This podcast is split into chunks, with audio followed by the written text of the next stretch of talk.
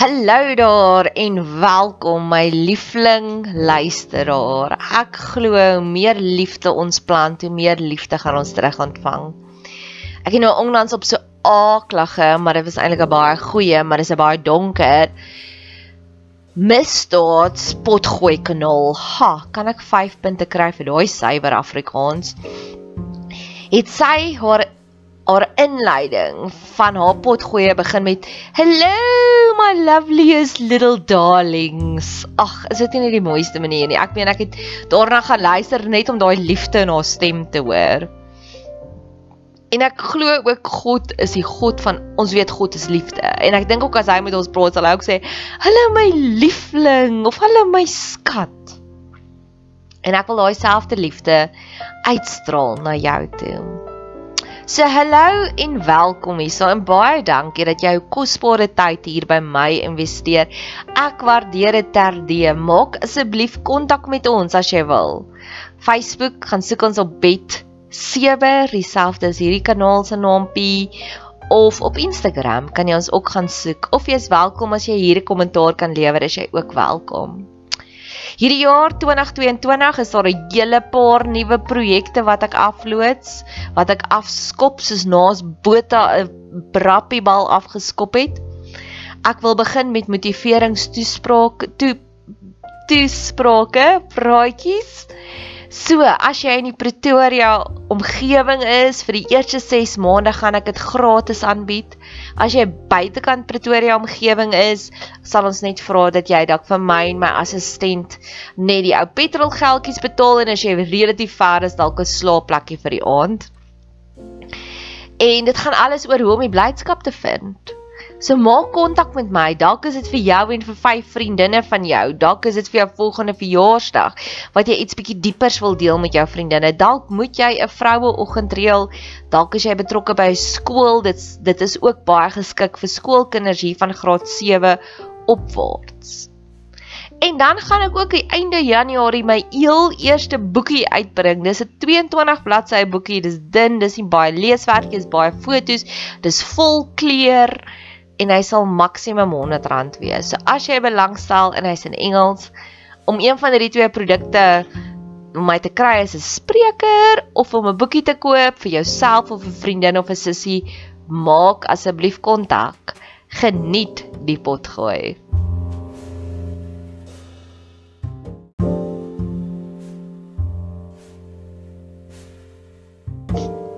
Volwasse kinders wat nog steeds uitdagings het met ouer verhoudings. In hierdie week is Nightbirdie oorlede.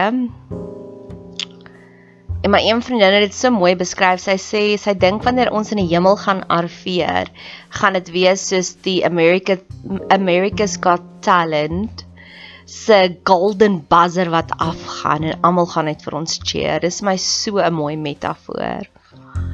Maar Nightbirdie het ons hartsnare aangeraak want sy het gepraat met autoriteit.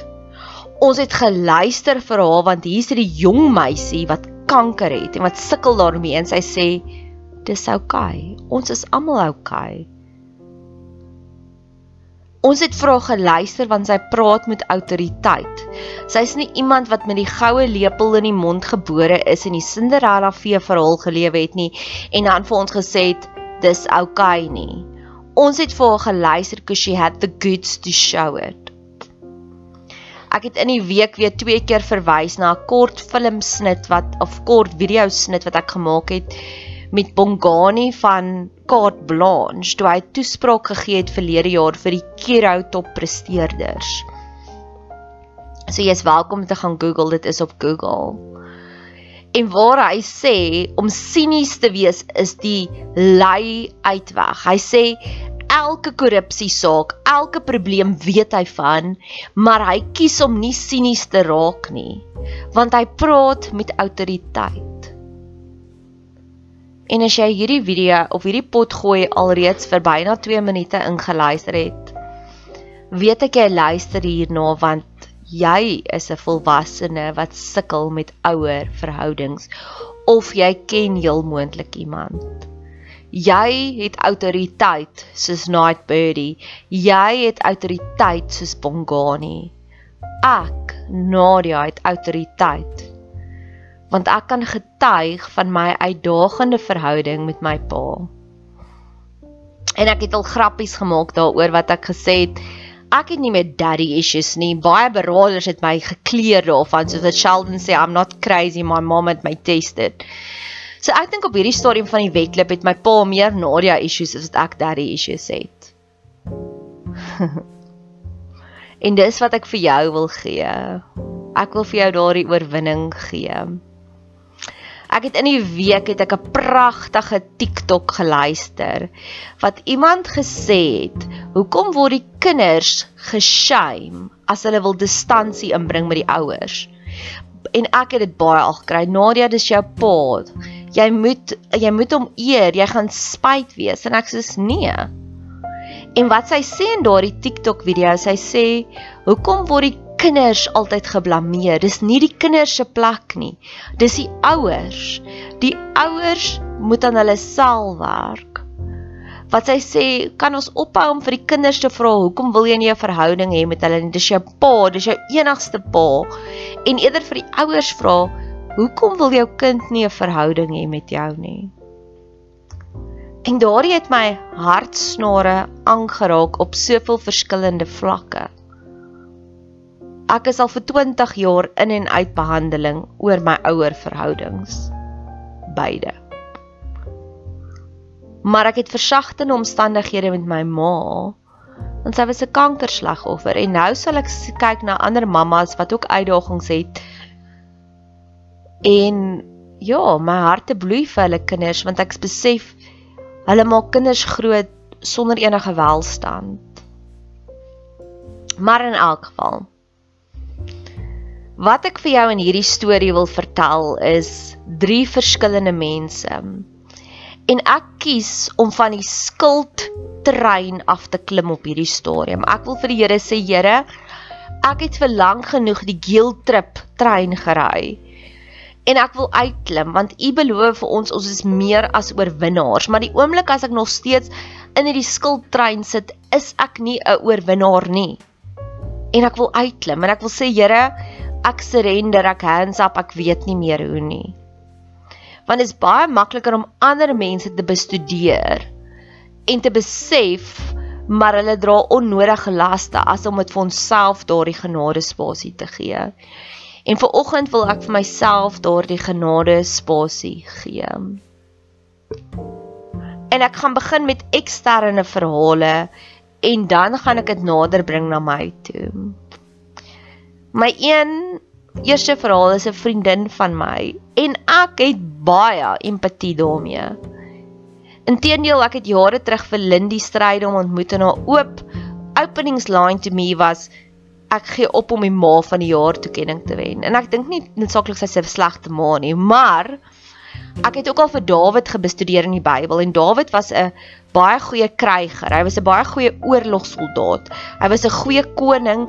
Hy was vrygewig teen sy vyande se kinders. Saul se kind het hy later aan die gebreklike kind gaan opsoek en vir hom vrygewigheid gegee. Maar Dawid was 'n crappy pa. Hy was glad nie 'n goeie pa nie. As jy uitgevind het jou een kind het die ander kind verkrag, wat gaan jy daarmee doen? En dis hoekom Absalom vir Dawid gaan vir Dawid wou doodmaak het. Want hy daddy issues gehad. En net so weet ek my pa is ook 'n baie goeie ander mens. Hy is 'n fantastiese besigheidsman. Sjoe, ek dink ja, as hy bietjie meer bold was, hy sou my amper in die kategorie van Richard Branson. Hy het baie baie goeie eienskappe. Hy's 'n fantastiese eggenoot vir sy vrou nou. Hy's regtig. Ek ek wens om so 'n man te hê wat my so op my hande dra. En ek kan dit ook sê, ek dink hy's 'n goeie pa vir my boeties. Want hy's die tipiese manneman. Kom ons gaan jag saam, kom ons gaan ry quad bike saam, kom ons gaan ry motorfiets saam.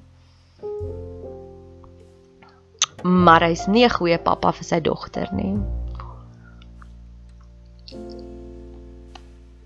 Maar in elk geval, so my vriendin het baie goeie eienskappe, baie goeie eienskappe, maar sy kan bietjie werk aan haar mamma skap. En keer op keer sal sy op my skouer kom huil en ek's regtig lief vir haar. En vir my vertel van haar seun wat haar vermy. En dieselfde verskonings wat die seun gee, is dieselfde verskonings wat ek vir my pa gee. Ek's te besig. Ek kan nie nou kom kuier nie. Keer op keer sal ek wonder en wat my vriendin sal doen, sy sal die seun verwyd. En dis wat daardie TikTok video gesê het. Wanneer gaan die ouers besef dat dit hulle verantwoordelikheid as jou as jy agterkom jou kind vermy jou? Kan jy asseblief gaan introspeksie doen want soos ek sê, ek het 20 jaar se terapie agter my. Dis my autoriteit wat ek gewerk het aan my verhouding met my pa. En die, die laaste finale hoofstuk was boundaries. Skeiding. Abraham, God het vir Abraham ook uit sy ouer huis uitgevat. Partykeer is dit 'n oplossing.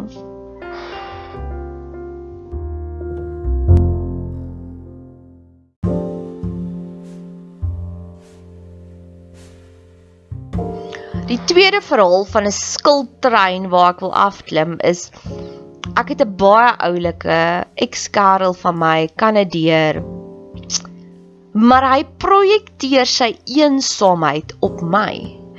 En dan voel ek baie keer dit is net 'n verpligting van my om te antwoord op al sy boodskappe. En as ek moet gaan 'n inhoudsopname doen van die hoeveelheid kere wat hy my lewe verryk het in die afgelope 3 jaar, was dit minimalisties. Die prys om in die gap te staan met sy eensaamheid raak te veel vir my en ek wil wegstap want weer eens die verantwoordelikheid is op hom. Ek voel sy eensaamheid. Ek voel dit al vir jare. En keer op keer wil ek dan die Here wees in die verhaal en hom help, want ek wil graag dieselfde vir myself terug hê. Maar aan die ander kant moet ek ook van hierdie skuldtrein af afklim om te besef, ai ek is nie sy sy weer nie. Daai rol is reeds vervul. Wanneer mense eensaam is, is dit nie ons burden om te dra om hulle alles te wees in hulle lewe nie. En ek wil van daardie skuldtrein afklim want in hierdie afgelope week het die Here regtig my lewe verryk met wonderlike mense en ek besef as ek gaan verantwoordelikheid opneem vir ander mense se eensaamheid gaan dit steel by hierdie ander pragtige surrogate wat God in plek gestel het vir my. Weereens die Abraham. God het vir Abraham uit sy vaderhuis getrek en hom laat gaan op 'n eensame reis. Maar as Abraham nog getop het oor sy vader, sou hy nie die wowness van Melchisedek ervaar het nie. En hy sou verder ook nie die wowness van God ervaar het nie want God het by hom en Sara kom eet. My pa se famous line sal gereeld wees. Jy is so stil. Of hy mis my. En vir jare lank sou ek nie daai woorde gevat het as liefde nie. Ek sou skuldig gevoel het. En dis waar ek nou van daardie skuldtrein wil afklim Want ja, ek is stil met my pa, maar ek is stil met my pa met goeie rede. En ek kies weer eens, ek is nie sy verant hy is nie my verantwoordelikheid nie, ek is sy verantwoordelikheid. Dis nie my plek om hom te laat sê en vir jare het ek dit probeer. Ek het vir jare lank konflik gehad met hom om te sê Ek wens pa was 'n beter pa. Ek wens pa was meer daar vir my. En daardie konflik het nooit enige vrugte afgelewer nie. Met ander woorde, hy weet presies wat is op die tafel. Hy weet presies wat is my vereistes. Maar hy kies om dit nie te gee nie. En die laaste resort is nou skuldgevoelens en ek wil myself daaruit loswikkel Want in hierdie week, soos wat ek sê, ek het 'n fantastiese week gehad, week 8. Ek het een van my grootste drome uit bewaarheid waar ek my eerste boek gedruk het. En toe ek die aankondiging gemaak het in begin Desember om te sê, "Hallo julle, hierdie is my droom." Was my pa se stilte al wat geëgo het. En aan die ander kant het ek hierdie fantastiese vriendekring, mense wat in my glo, wat kliphard gecheerlead het omdat ek die boek wou publiseer en die oomblik toe kom publiseer, ek het ver oggend weer 'n groot betaling in my bankrekening gekry vir iemand wat baie boeke bestel. Dis die tipe van ondersteuning wat ek nodig het. So in hierdie week, my een vriendin het my dadelik gevra, "Hoe was jou reaksie van jou pa?" En ek sê, "Ek het nog nie vir hom gesê nie." Want ek verwag al dat hy gaan my bubbel bars en ek het genoeg bewyse daarvan. So ek is stil met hom hierdie week en hy het dit opgetel. Want ek kies om eerder vir mense my spakel te wys wat my spakel waardeer. Mense wat sê ek kan nie wag om jou boek te lees nie. Mense wat vir my geskenkpakkies aanbring om te sê ons fees vier jou Nadia. Die laaste storie wat ek het waarmee ek wil afsluit wat weer eens aansluit by die TikTok video en dalk moet ek hom sommer speel. Nou, ek sal nou gaan kyk of kry kom. Want dit is in Engels. Ek is besig om deur Genesis te werk en die verbond wat God gesluit het met Noag en later met Abraham was dit vir my opmerklik dat die verbond wat gesluit was was van die groter persoon na die kleiner persoon. En dis ook die interaksie met Melchisedek en Abraham. Daar's 'n groter persoon, daar's 'n ouer figuur wat vir die kleiner figuur sorg. En dis een van die groot probleme wat ek het in my en my pa se verhouding. Hy verwag dat ek moet sy cheerleader wees So hy sal ons gereeld foto bom en vertel en brag en spog van alles wat amazing is in sy lewe. En die oomblik as ek ook iets aan die tafel toe bring, word daar niks teruggegee nie. Daar's geen uitruil transaksie nie. Liefde moet kom van die groter een na die kleiner een toe. En die tweede een is emosionele uitputting ook. Ek sal deur massive storms werk en niks vir hom sê daarvan nie, net bloot omdat ek myself moet beskerm want op die paar kere wat ek vir hom gevra het help, was dit insult by the injury. Waar hy vir my nog krappier laat voel het na die tyd. En die Here het vir my 'n wonderlike baas gegee, my werkgewer. En behalwe vir jou ouers, is jou werkgewers gewoonlik ook die mense wat jou foute raak sien. Hulle weet Nee, kyk. Kinders gaan foute maak en werknemers gaan foute maak. En keer op keer wanneer ek 'n fout gemaak het by die werk, sal my werkgewer kom en vir my bemoedig in plaas daarvan om my te laat krappier voel. En dis waarna ek op soek is en dis wat ek glo ek verdien. So by terug by die energie uitruil transaksie, ek is my pa se skouer waarop hy huil. En dis nie 'n kind se plek nie. Dis nie 'n kind se plek ongeag van die ouderdom. Ek word 40 hierdie jaar. Maar die hoeveelheid kere wat ek kan sê wat my pa regtig vir my emosionele bystand gegee het, dis nie 0 nie, dis minus 10. En die hoeveelheid kere wat hy vereis het dat ek moet vir hom emosionele bystand gee, 'n miljoen. En dis wat ek wil sê, unsubscribe. Ek eer my pa. Ek eer hom. Ek eer hom want hy is 'n goeie besigheidsman. Ek eer hom want hy's 'n goeie eggenoot vir sy vrou. Ek eer hom want hy is 'n stand-up citizen in die gemeenskap waar hy bly. Ek eer hom want hy is 'n goeie werkgewer vir sy werknemers. En ek eer hom want hy's 'n goeie man's man vir my my boeties. Hy gee vir hulle wat manne wil hê.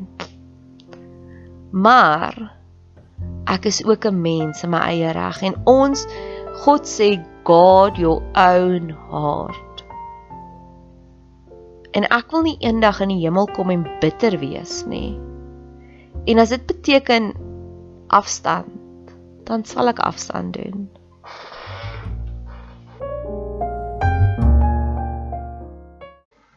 Askiesie, amper vergeet ek van die video. So ek wil gaan die video met jou deel. Hier kom hy.